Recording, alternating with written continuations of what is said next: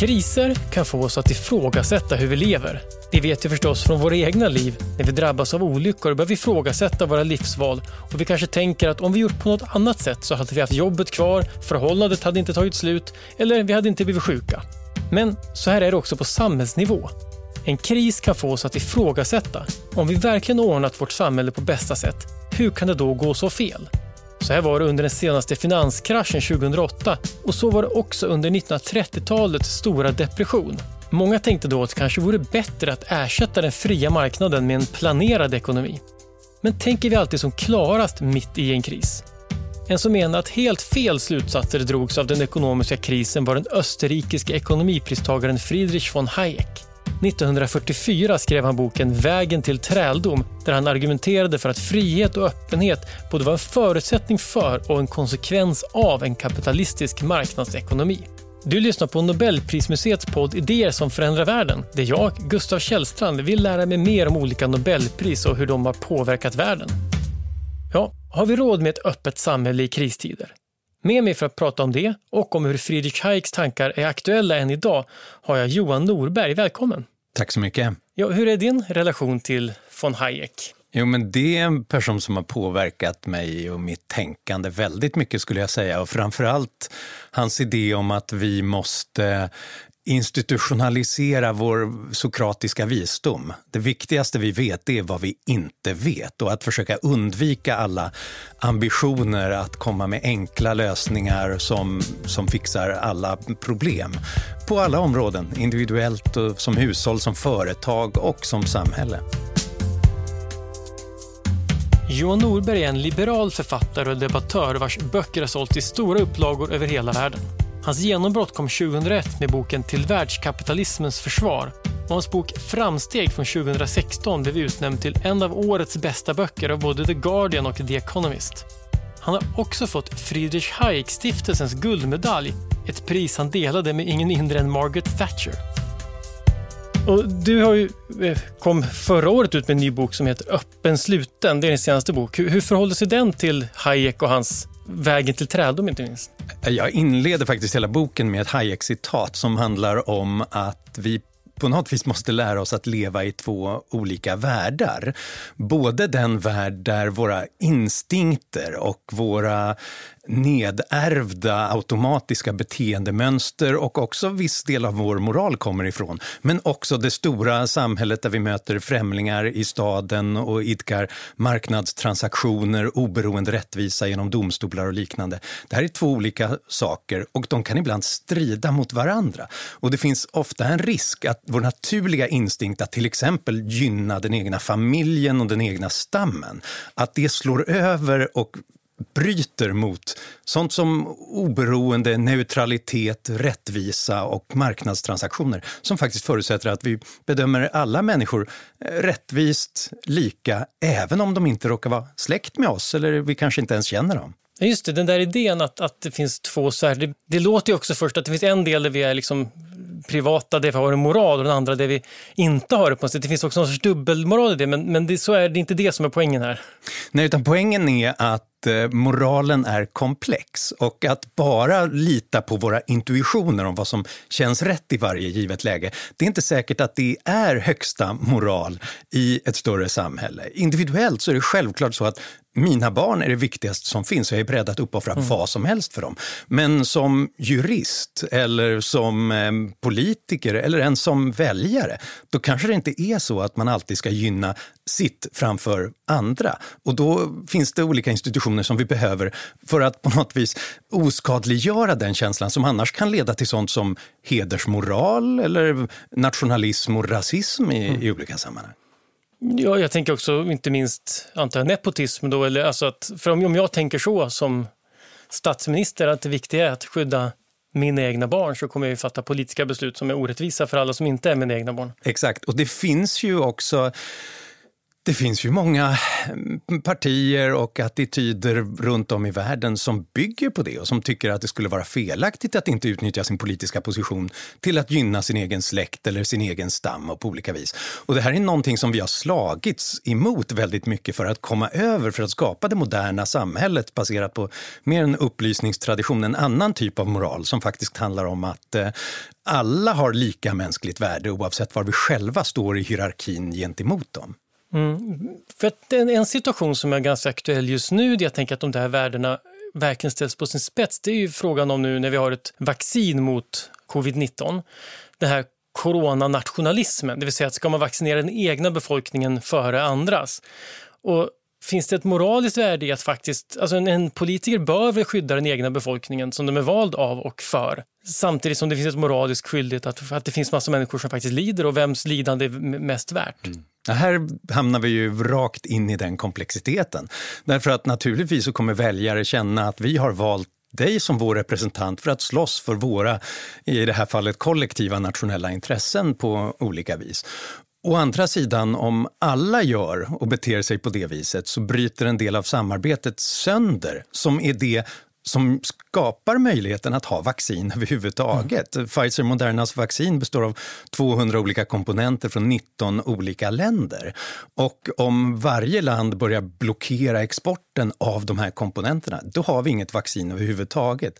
Och det visar just i att i kristid så kan den här naturliga instinkten att bara skydda sitt eh, leda till att vi verkligen skjuter oss i foten och saboterar möjligheterna för långsiktig utveckling för alla. Och, och vi glömmer en annan aspekt också och det är att det hjälper inte oss om alla svenskar är vaccinerade om resten av världen inte är det. Därför att då kommer viruset fortsätta att mutera på andra ställen. Och då kommer det slå tillbaka mot oss så småningom också. Vi mm. får ett nytt virus, en ny mutation som våra vaccin inte biter på. Mm. Men, men det argumentet är ju ändå egentligen ett då även ett egoistiskt argument. För det, då har man inte varit altruistisk, då har man varit egoistisk som det är ändå bäst. Och det, det kanske ofta är så, det kanske sammanfaller. Jag uppfattar att det är lite grann en grundtanke, inte minst i din bok, men också i det tänkande som Hayek står för. Att det här att, att de, om, I vissa fall är det ändå så att om man handlar altruistiskt så kan det även gynna en själv.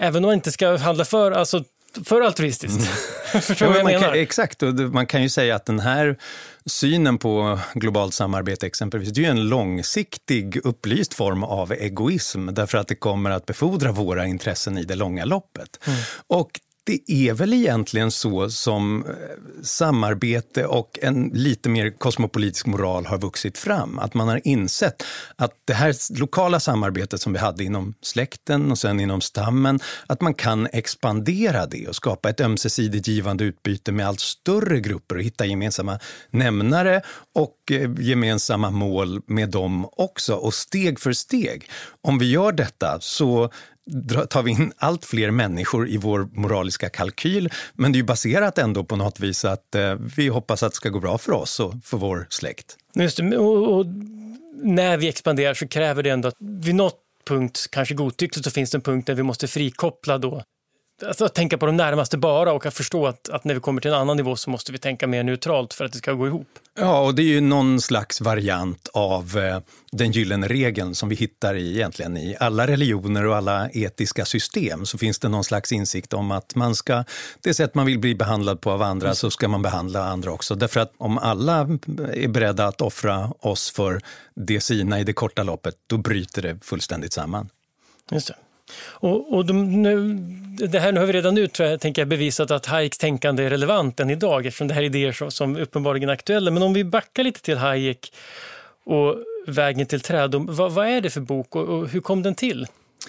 Det är en bok som är skriven under andra världskriget och som är skriven när Hayek är i landsflykt. Han är ju född och uppvuxen i Österrike men lever i England och i USA på grund av tilltagande antisemitism och sen nazismens maktövertagande. Och liksom så många andra så ställer han frågan hur kunde vi komma till den här punkten och vad är det för institutioner som måste försvaras för att vi ska kunna skapa och garantera frihet och fred.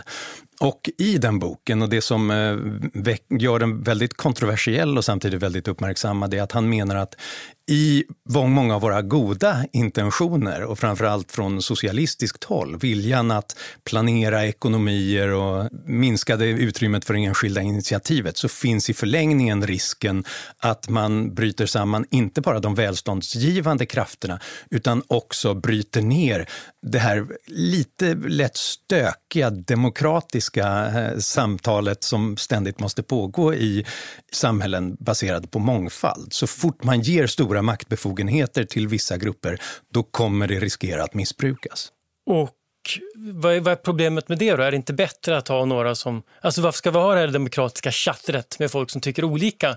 Om någon som är begåvad och smart kan räkna ut allting. Och det är väl det som han eller det är mm. väl kärnfrågan på något sätt? Ja, det finns två stora problem. Och det ena är att vi har i kristid den här instinkten att leta efter den starka ledaren som pekar oss i rätt riktning så att vi alla springer ditåt och, och försvarar stammen eller nationen eller ekonomin. Ja, det första problemet är, tänk om man pekar åt fel håll?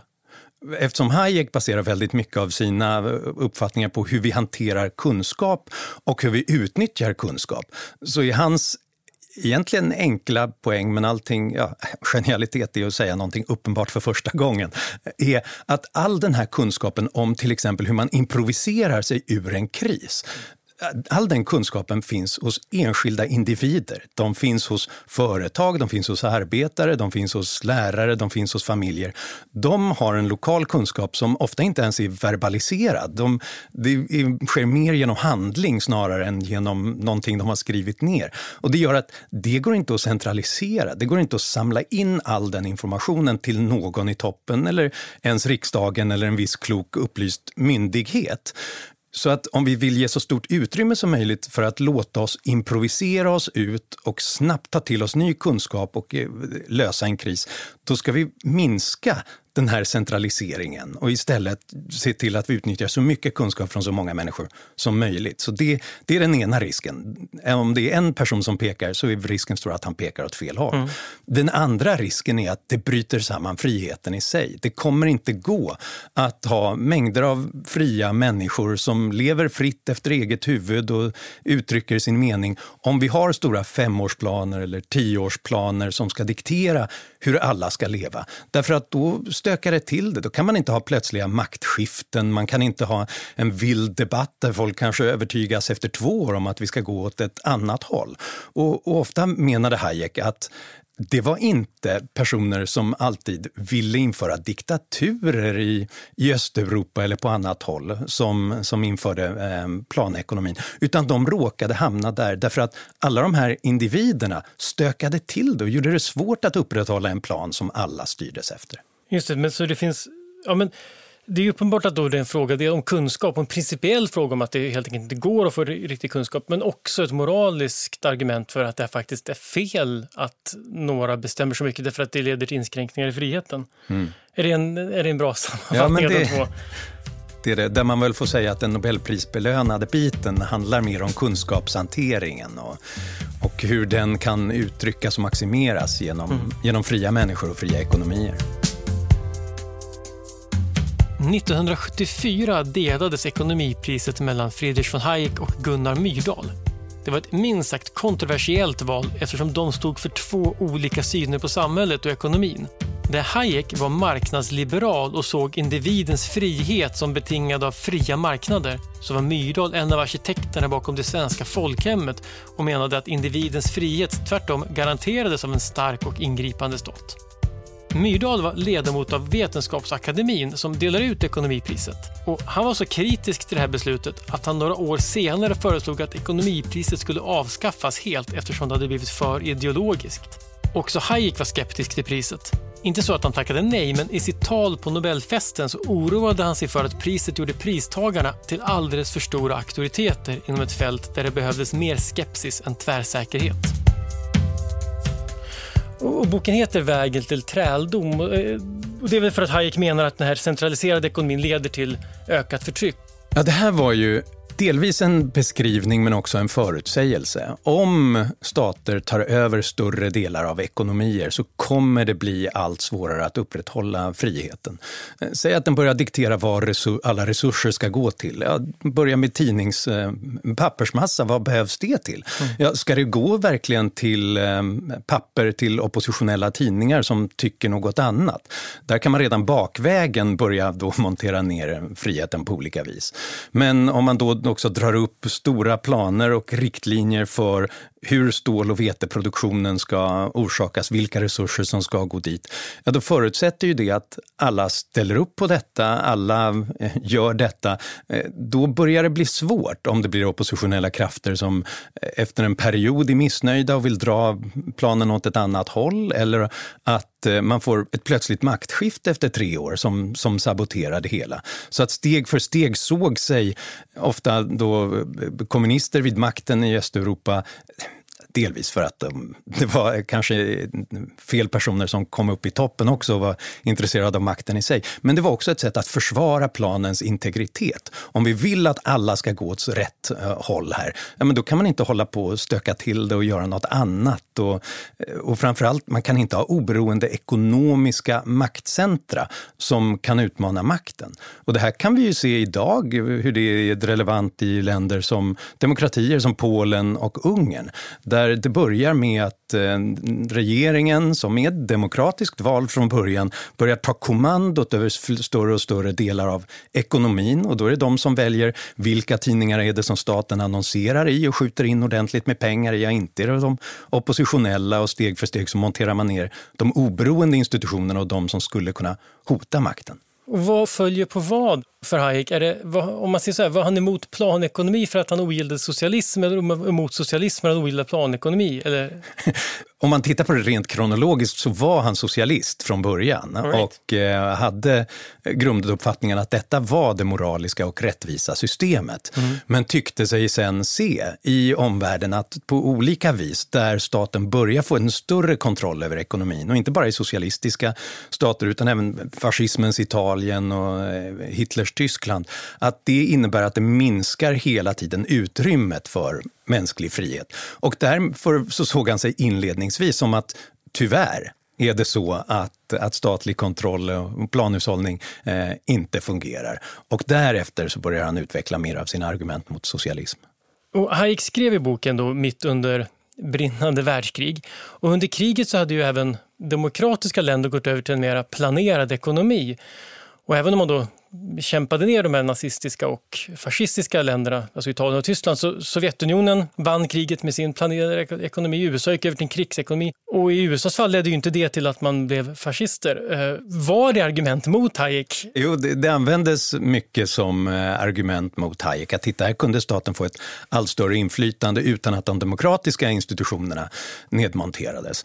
Men det bygger på en felläsning, skulle jag säga, av vad Hayek skrev. För att där, det han skriver om i Vägen till träldom, det är inte att den ökad socialisering av konsumtionen genom välfärdsstaten, olika typer av socialförsäkringssystem och liknande, att det skulle eh, leda till en nedmontering av demokratin. Utan det är när staten tar kommandot över de, alla de ekonomiska institutionerna, socialiserar produktionsmedel och börjar diktera vad allt ska användas till. Det är då det blir svårt att bygga oberoende maktcentra som baseras på någonting annat än den politiska viljan.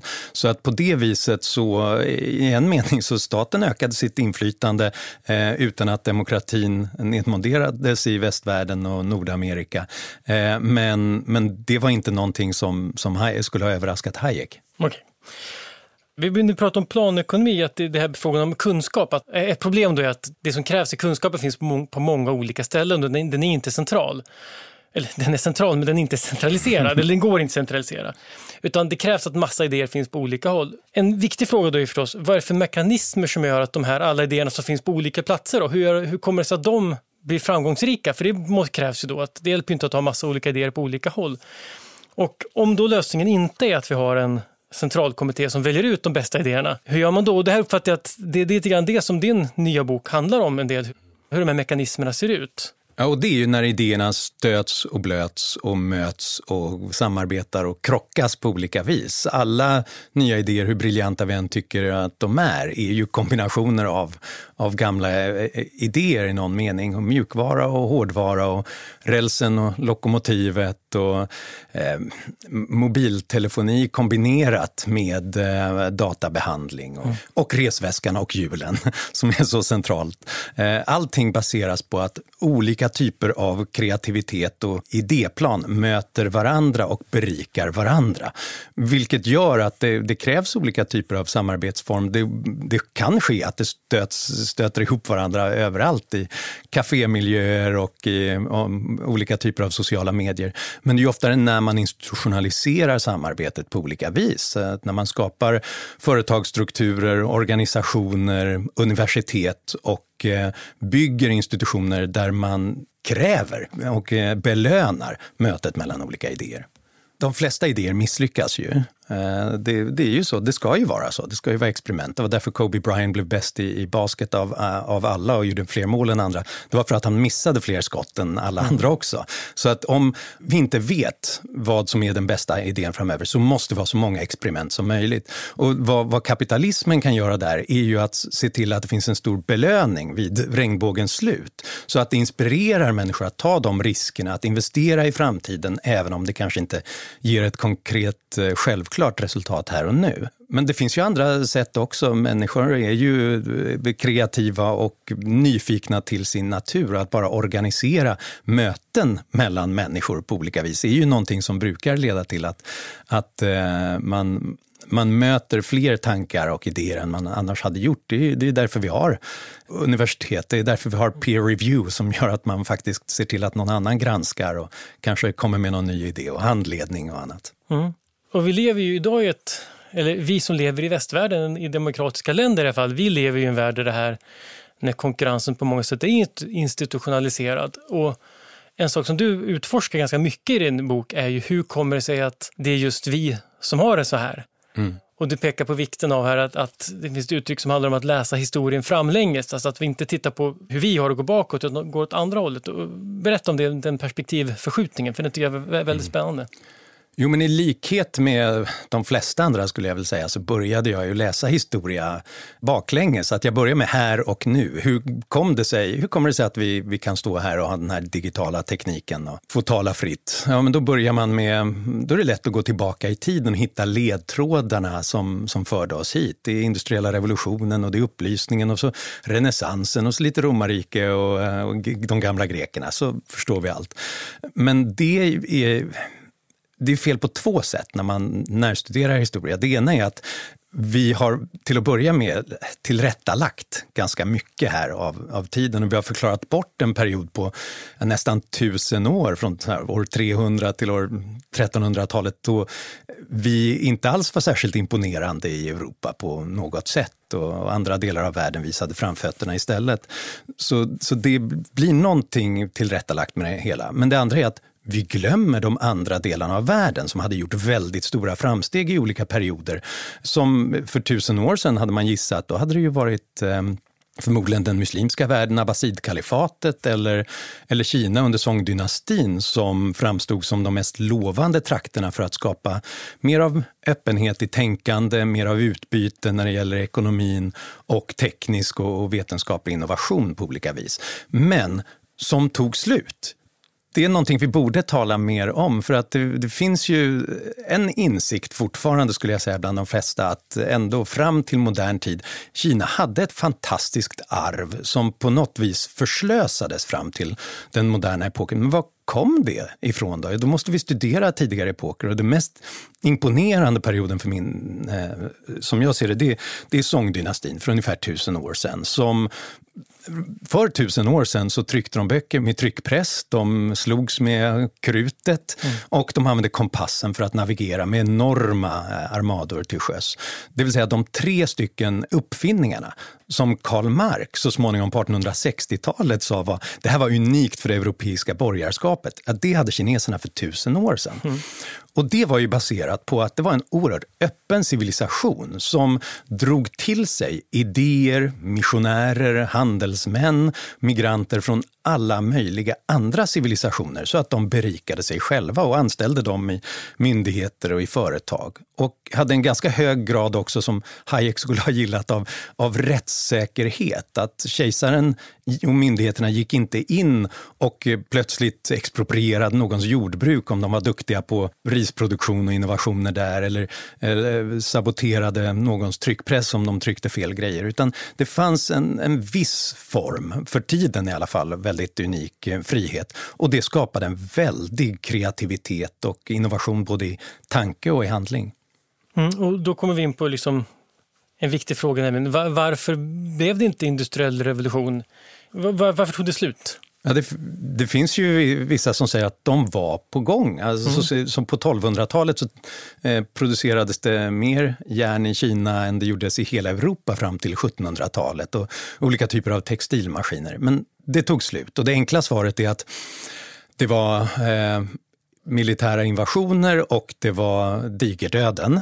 Men jag tror också att det är ett felaktigt svar. Det är lite för enkelt svar. Därför mm. att idéer försvinner ju inte bara för att vi har förödelse och eh, krig. Utan det kan finnas kvar, det skulle kunna komma tillbaka därefter. Utan det var mer, som jag ser det, hur man reagerade på krig och digerdöd. Man reagerade på eh, invasioner och kaotiska stämningar med att säga att vi måste sluta oss inåt. Vi kan inte ha den här öppenheten. Vi kan inte längre ha den här typen av dynamiskt samhälle. Så att så småningom när Ming-dynastin eh, tog över på 1300-talet så eh, slog man fast att vi ska stå för stabilitet och ordning istället. Man förbjöd utrikeshandel, man eh, förbjöd oceantrafiken och historiens största flotta ruttnade bort.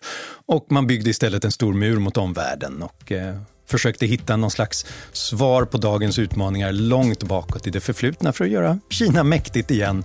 Men resultatet var tvärtom 500 år av stagnation. Ming-dynastin styrde i Kina mellan 1368 och 1644 och den kallas ibland för den strålande dynastin.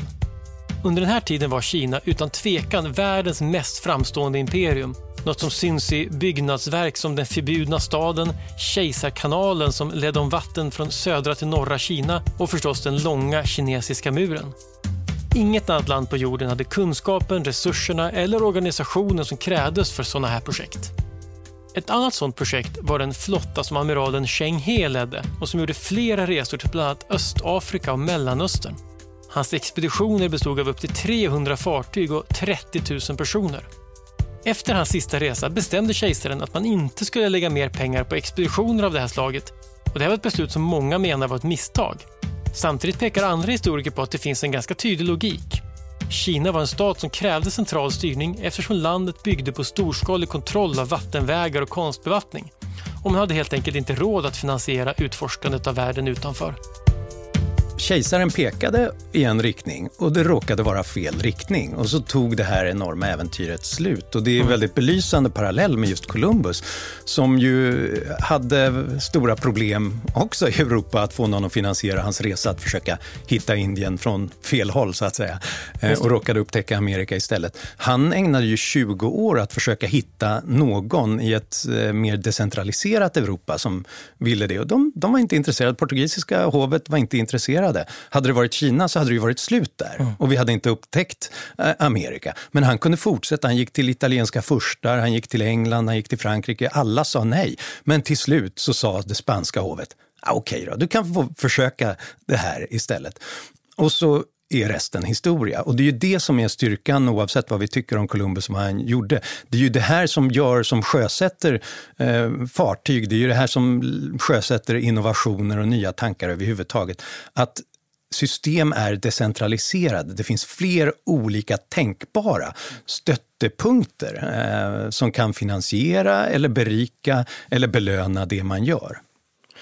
Ja, jag tycker att det där är verkligen ett, ett illustrerande exempel. För, för det du kommer in på sen i boken, när du kommer längre fram till 1600 och 1700-talet, när man ser Europa börja liksom utvecklingen dra ifrån, i, i bemärkelsen att det blir mer välstånd och mer idéer som, som kommer fram. Att precis det där att det var inte, du skriver att det inte var kungarna i Europa som var smartare, utan att det fanns fler av dem mer eller mindre. Precis. För att när man har det här försöket att skriva historien eh, baklänges och hitta varför var det Europa som kom först till upplysning och industriell revolution och så småningom liberal demokrati, ja, då finns det ju lätt att man tänker att våra, det är våra överlägsna idéströmningar eller väldigt upplysta eliter som såg värdet i detta. Mm.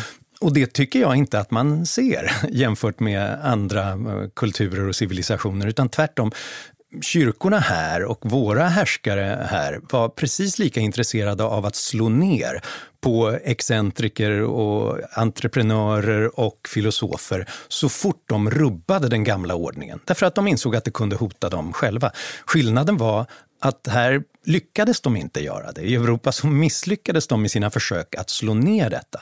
Och det berodde på att vi hade 500 olika politiska entiteter under eh, den senrenässansen i, i, i Europa. Eh, fria städer, fria universitet, eh, olika typer av eh, prinsar som var rivaler mot varandra. Och om man då på ett ställe på ett universitet sa ni får inte läsa de gamla grekerna, Aristoteles som börjar komma i, i översättningar här. Det, det förbjuder vi därför att det var, påven var inte intresserad av det hela. Så det försvann från Paris och Oxford. Men då fanns det ett universitet i Genua istället. Det fanns eh, Padua, det fanns eh, Venedig som skyddade de institutioner som ville att man skulle få läsa de gamla grekerna. Och så var det med textilmaskiner också, så var det med den kopernikanska världsbilden, så var det med idéer om tryckfrihet och, och annat, att det var förbjudet och förföljt på de flesta ställen. Men i Europa så kunde man, till skillnad från i Kina eller i, i kalifatet, så kunde man fly över en gräns till en, och få ett beskydd av en annan prins som såg att om jag tillåter det här, då kanske jag får lite bättre astronomer vid mitt hov som tänker lite smartare. Jag kan få bättre ingenjörer. Jag kan få bättre uppfinningar som gör mig starkare i den här rivaliteten. Mm. Så det är bra att inte ha en mäktig upplyst kejsare som pekar åt ett håll, därför att då och då så pekar han fel. Då är det bättre att ha 400. Okej, okay, men så kreativitet och nya idéer, det kräver liksom öppenhet. Okej, okay, men behöver de också ett visst tryck? Kan man ändå styra dem genom att ge incitament åt olika håll? Även om furstarna kanske inte visste exakt vad de skulle så kanske de ändå hade någon aning. Precis, man kan ju sätta ett, ett incitament på, han, på problemet som man har och, och komma vidare. Och det gjorde ju många tidigt också. Kunde man hitta en kronometer som fungerade till havs så att man kunde förstå longituden som man var på, ja då fick man en, då belönades man av hovet med, med massor av pengar exempelvis. Mm. Den typen av incitament finns ju, det finns ju alltid inbyggt i marknadsekonomin. Eh, det fanns alltid en insikt om att om någon kunde utveckla ett, en form av konstgödsel som eh, också en Nobelprisbelönad mm. upptäckt för övrigt av Fritz Haber. Eh, det, det alltså skulle efterfrågas av bönder i hela världen så att det var en sån enorm finansiell drivkraft bakom det hela. Det var därför BASF-företaget finansierade det hela. Men det här kan man ju också göra, Eh, Eh, Nobelpriset är ju också den typen av, eh, av incitament för att eh, göra en upptäckt. Det här skulle jag se som den viktigaste typen av, om man talar om forskning och om det finns någonting man kan göra politiskt för att uppmuntra något på olika områden, så finns det en fallgrop men det finns en klokare väg. Och fallgropen är ju att försöka styra forskningen, att försöka berätta, peka på vem som ska utveckla vad, på vilket sätt. Och där tror jag det finns många misslyckade subventionsförsök där man helt enkelt har tyckt att vi vet ungefär vilken typ av teknik vi vill ha och vi ger de här uppdrag och massor av pengar att göra detta. Det bryter sönder det som Hayek såg som det viktigaste, den här experimentella öppenheten. Att vi vet inte exakt vilken teknik som bör användas. Vi vet inte vem som skulle kunna göra det allra bäst, utan det måste vara en öppen process. Men vad man då kan göra är ju att se vad stater har gjort i samband med eh, vaccinen mot covid-19. Man sätter ett stort incitament, en stor penningsumma till dem som kan komma på ett fungerande vaccin. Om ni lyckas med det, vilka ni än är, så får ni massor av beställningar till slut. Och det gör att man uppmuntrar generellt till eh, att lägga pannor i djupa veck och lägga stora resurser på att göra detta. Men man säger inte exakt vem som är i bäst position att göra det. Man säger inte vilken teknisk plattform som bör användas, om det är mRNA-vaccin eller om det är något annat. Så att där kombinerar man öppenheten med incitamenten. Det är därför det är alltid så lätt i backspegeln att säga att men här ser vi ju vad som funkade, vilket slöseri att vi hade den här långa processen med massor av misslyckade saker. Mm. Ja, absolut. Om vi hade kunnat skåda in i framtiden så är det klart att vi bara ska välja de lyckade lösningarna. Men samhället och ekonomin och vetenskapen är en upptäckarprocess. Det är bara genom alla de misslyckandena som vi kan få fram de lyckade försöken också. Mm. Jag hör ju det här som ett starkt försvar för Nobelpriset. Därför att det är just, för det är väldigt öppet, för det finns ju inget givet mål. Det är inte så att man får Nobelpris i fysik för att ha löst just en specifik fysisk, fysikalisk fråga, utan den som får Nobelpris i fysik kan ju komma på någonting som man för tio år sedan inte trodde var en forskningsfråga, eller tvärtom kanske aktivt trodde inte var en forskningsfråga till och med. Och samma i medicin och liknande. Och det finns ju många exempel på pristagare som just får priset, som har jobbat med någonting som ingen annan tycker är överhuvudtaget givande. Så det är väl en belöningsstruktur som är Ja, Kanske som, lyckad då. Som dessutom lyckas stimulera människor över hela världen, var de än är i sin forskargärning, att ändå tänka att där, dit skulle man kunna nå om man är riktigt framgångsrika. Mm. Håller med, det är bra att det finns. Liberaler har ofta en idealistisk syn på utvecklingen. Med det menas att de tänker att idéer förändrar världen. Det står i motsats till marxister som kallas materialister och tänker sig att det är resurser och ekonomiska relationer som styr.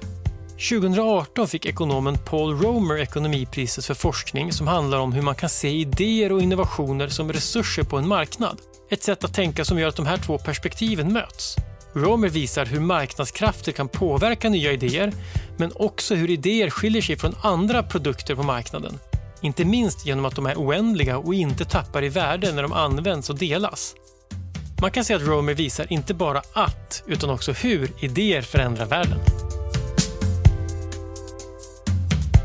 Problemet med subventioner av vissa lösningar som vi råkar gilla, det är ju att vi pumpa ner resurser i en viss lösning, vilket eh, minskar möjligheten att få fram utveckling på, på andra håll. Det för över resurser till en viss lösning som vi råkar tro på. Och varför gör vi det? Ja, det kanske är att vi gissar att det här eh, kommer bli särskilt framgångsrikt eller så kan det vara att det är mycket lobbyingpengar som har gått ner i att övertyga politiker och väljare om att det är just den här lösningen som är viktig. Och det kan också handla om att det ser bra ut på bild eller ger många arbetstillfällen i det korta loppet. Så att det flyttar resurser från väldigt många tänkbara potentiella områden till en viss lösning. Och där har vi ju sett att i olika, det går ju konjunkturer i vilken grön teknik som är populär. Mm. En gång i tiden var det kärnkraften som allt skulle satsas på. En gång så var det eh, majsetanol som allt skulle satsas på. Nu är det vindkraft och så går det fram och tillbaka på det där viset. Det, vad det kan betyda är, bortsett från att det tar resurser från ett visst håll, så kan det leda till att man tar en viss, lite prematur teknik som inte riktigt är utvecklad, som skulle behöva skruvas till och drar upp den i för stor skala så att det blir en återvändsgränd och sen säger man nej men det här överger vi istället. Och sen så satsar vi på nästa häst istället.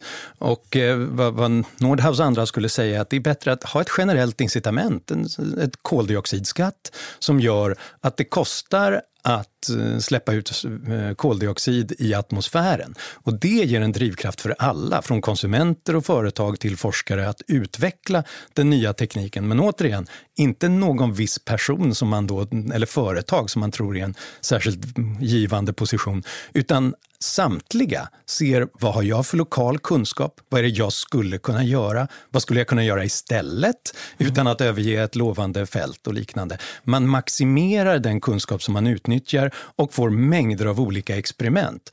Och det kommer vara något av de konstiga experimenten som kommer att rädda oss i framtiden, inte någonting vi försöker förutse idag. Men för då är vi inne på mångfald, och då tänker jag på en, en sån sak som vi, som vi inte varit inne på med öppenhet, men det här med alltså öppna gränser. Um, för att idéer behöver flyta över gränser och det, och det kan de göra, men, men också människor. Mm. Och det skriver också om som en av förutsättningarna och konsekvenserna kanske av ett uh, öppet tänkande. Dels så finns det ju ett ett eh, grundläggande mm, humanitärt argument för att människor inte ska vara fångna vid sin bostadsort. Om man Oavsett om det man lider av är förtryck eller eh, institutioner som inte gör att man kan skapa sig ett gott liv. Att man har möjligheten att söka sig vidare till andra ställen. Och en gång i tiden var vi alla knutna till den jord som vi brukade och sen så började vi expandera detta och till slut bröt vi ner på 1800-talet inrikespassen som gjorde att vi var förbjudna från att söka oss in till städerna. Och att eh, öppna gränser generellt är ju ett sätt att helt enkelt utsträcka den friheten.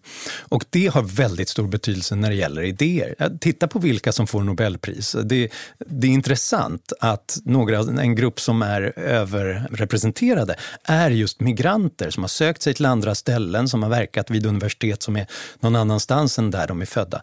Därför att de kommer med en annan begreppsapparat, en annan bakgrund och möter nya redskap för att ta sig an helt nya typer av problem.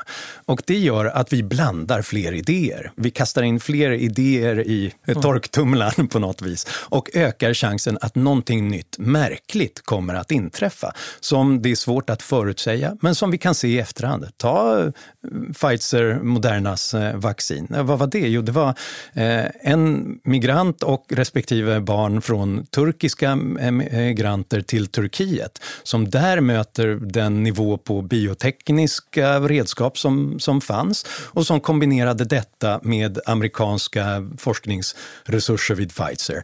Eh, och sen så kunde de trots flygförbudet eh, skicka genetiskt material för att Pfizer hade privatjets då, eh, skickade över Atlanten. Mellan det, Tyskland och... Pre, ja. Precis, eh, det, för där var flygtrafiken stängd. Hade mm. det fortsatt vara helt stängt, då hade de inte kunnat samarbeta och ta fram det här. Men Pfizer hade lyckligtvis kvar några privatjets så de kunde skicka proverna fram och tillbaka.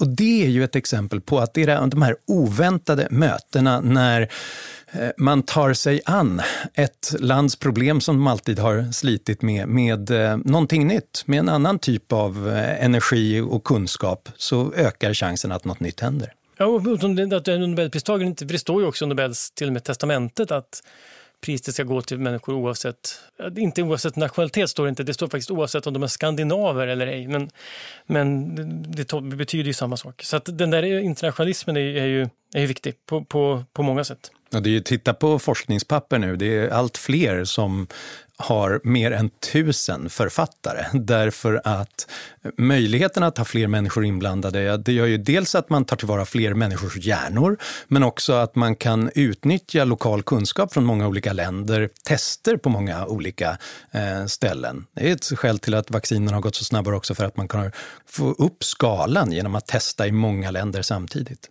Mm. Jo, men samtidigt som vi vet att den här öppenheten uppenbarligen leder till många fördelar så finns det också många som oroas för ett starkt motstånd mot det här och, och, och som känner att öppenheten ändå, och inte minst för andra människor och andra kulturer, är ett hot. Men du gör en poäng av att många av de saker som vi tror hotas av öppenhet i själva verket har skapats av öppenheten. Mm.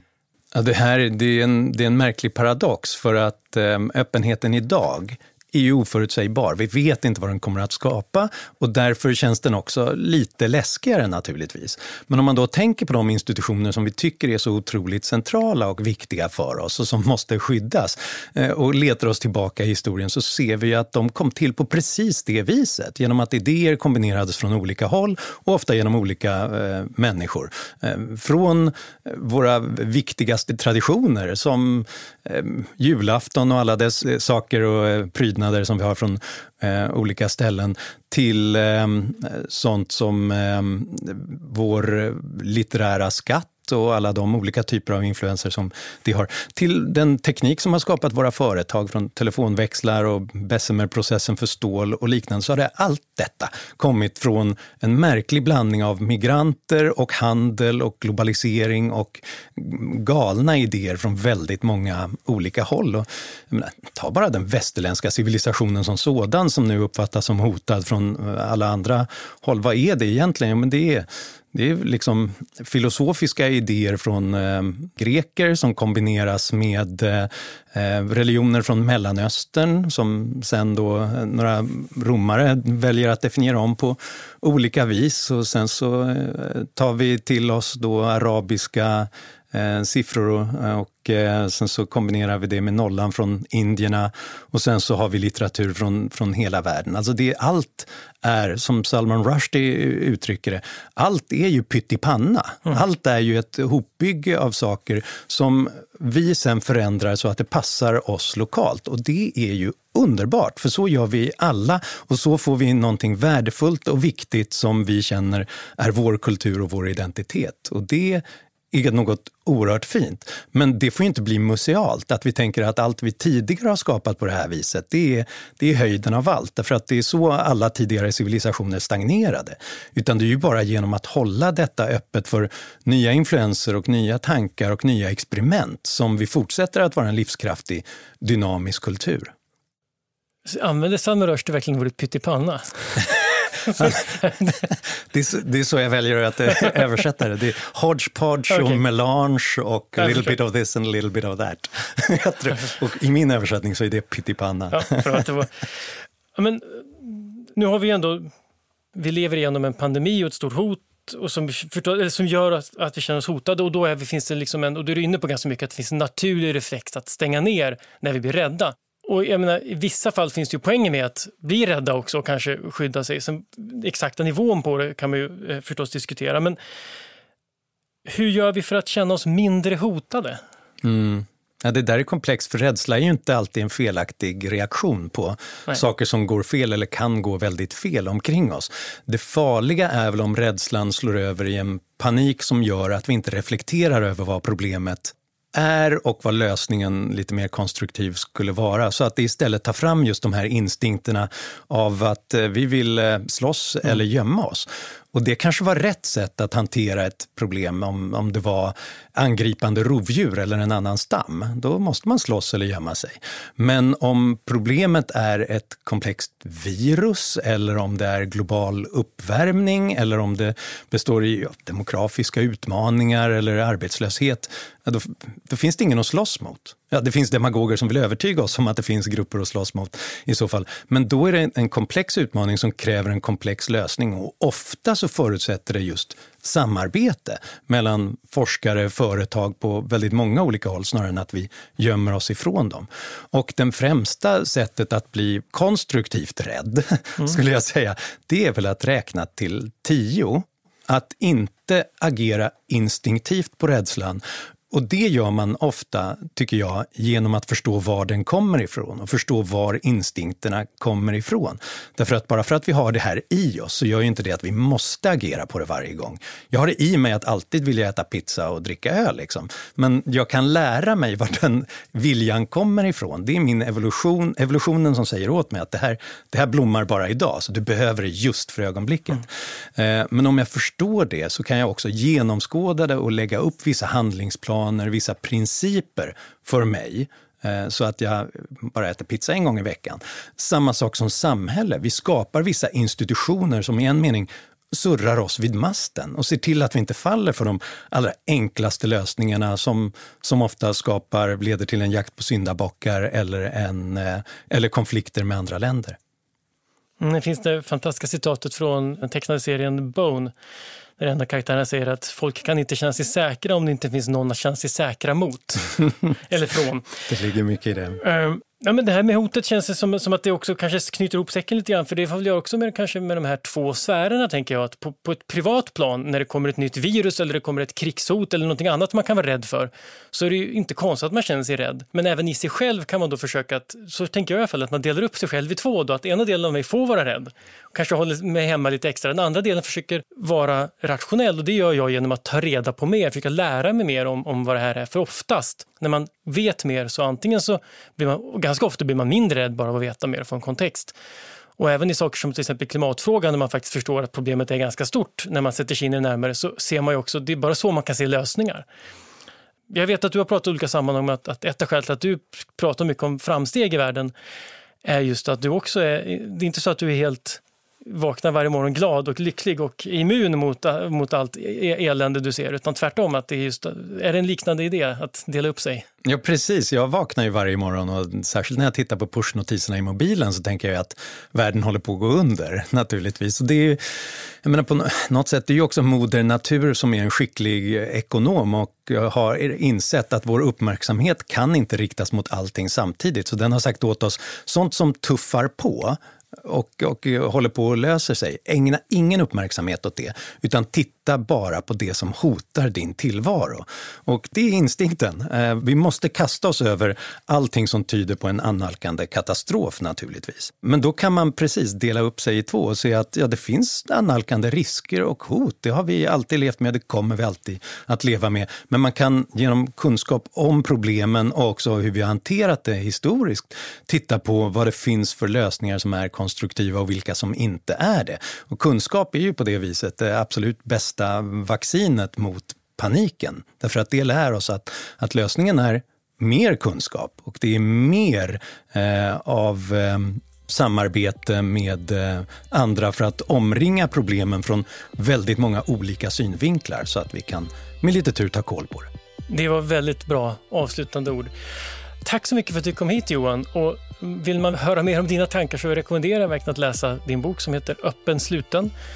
Och eh, vill man höra dig prata mer så har det varit ett, ett aktivt år för dig under coronaåret eh, med poddar och digitala föreläsningar och det finns massa filmer på Youtube också så man kan få, man kan få mer. Och så får man se hur mitt vardagsrum ser ut också.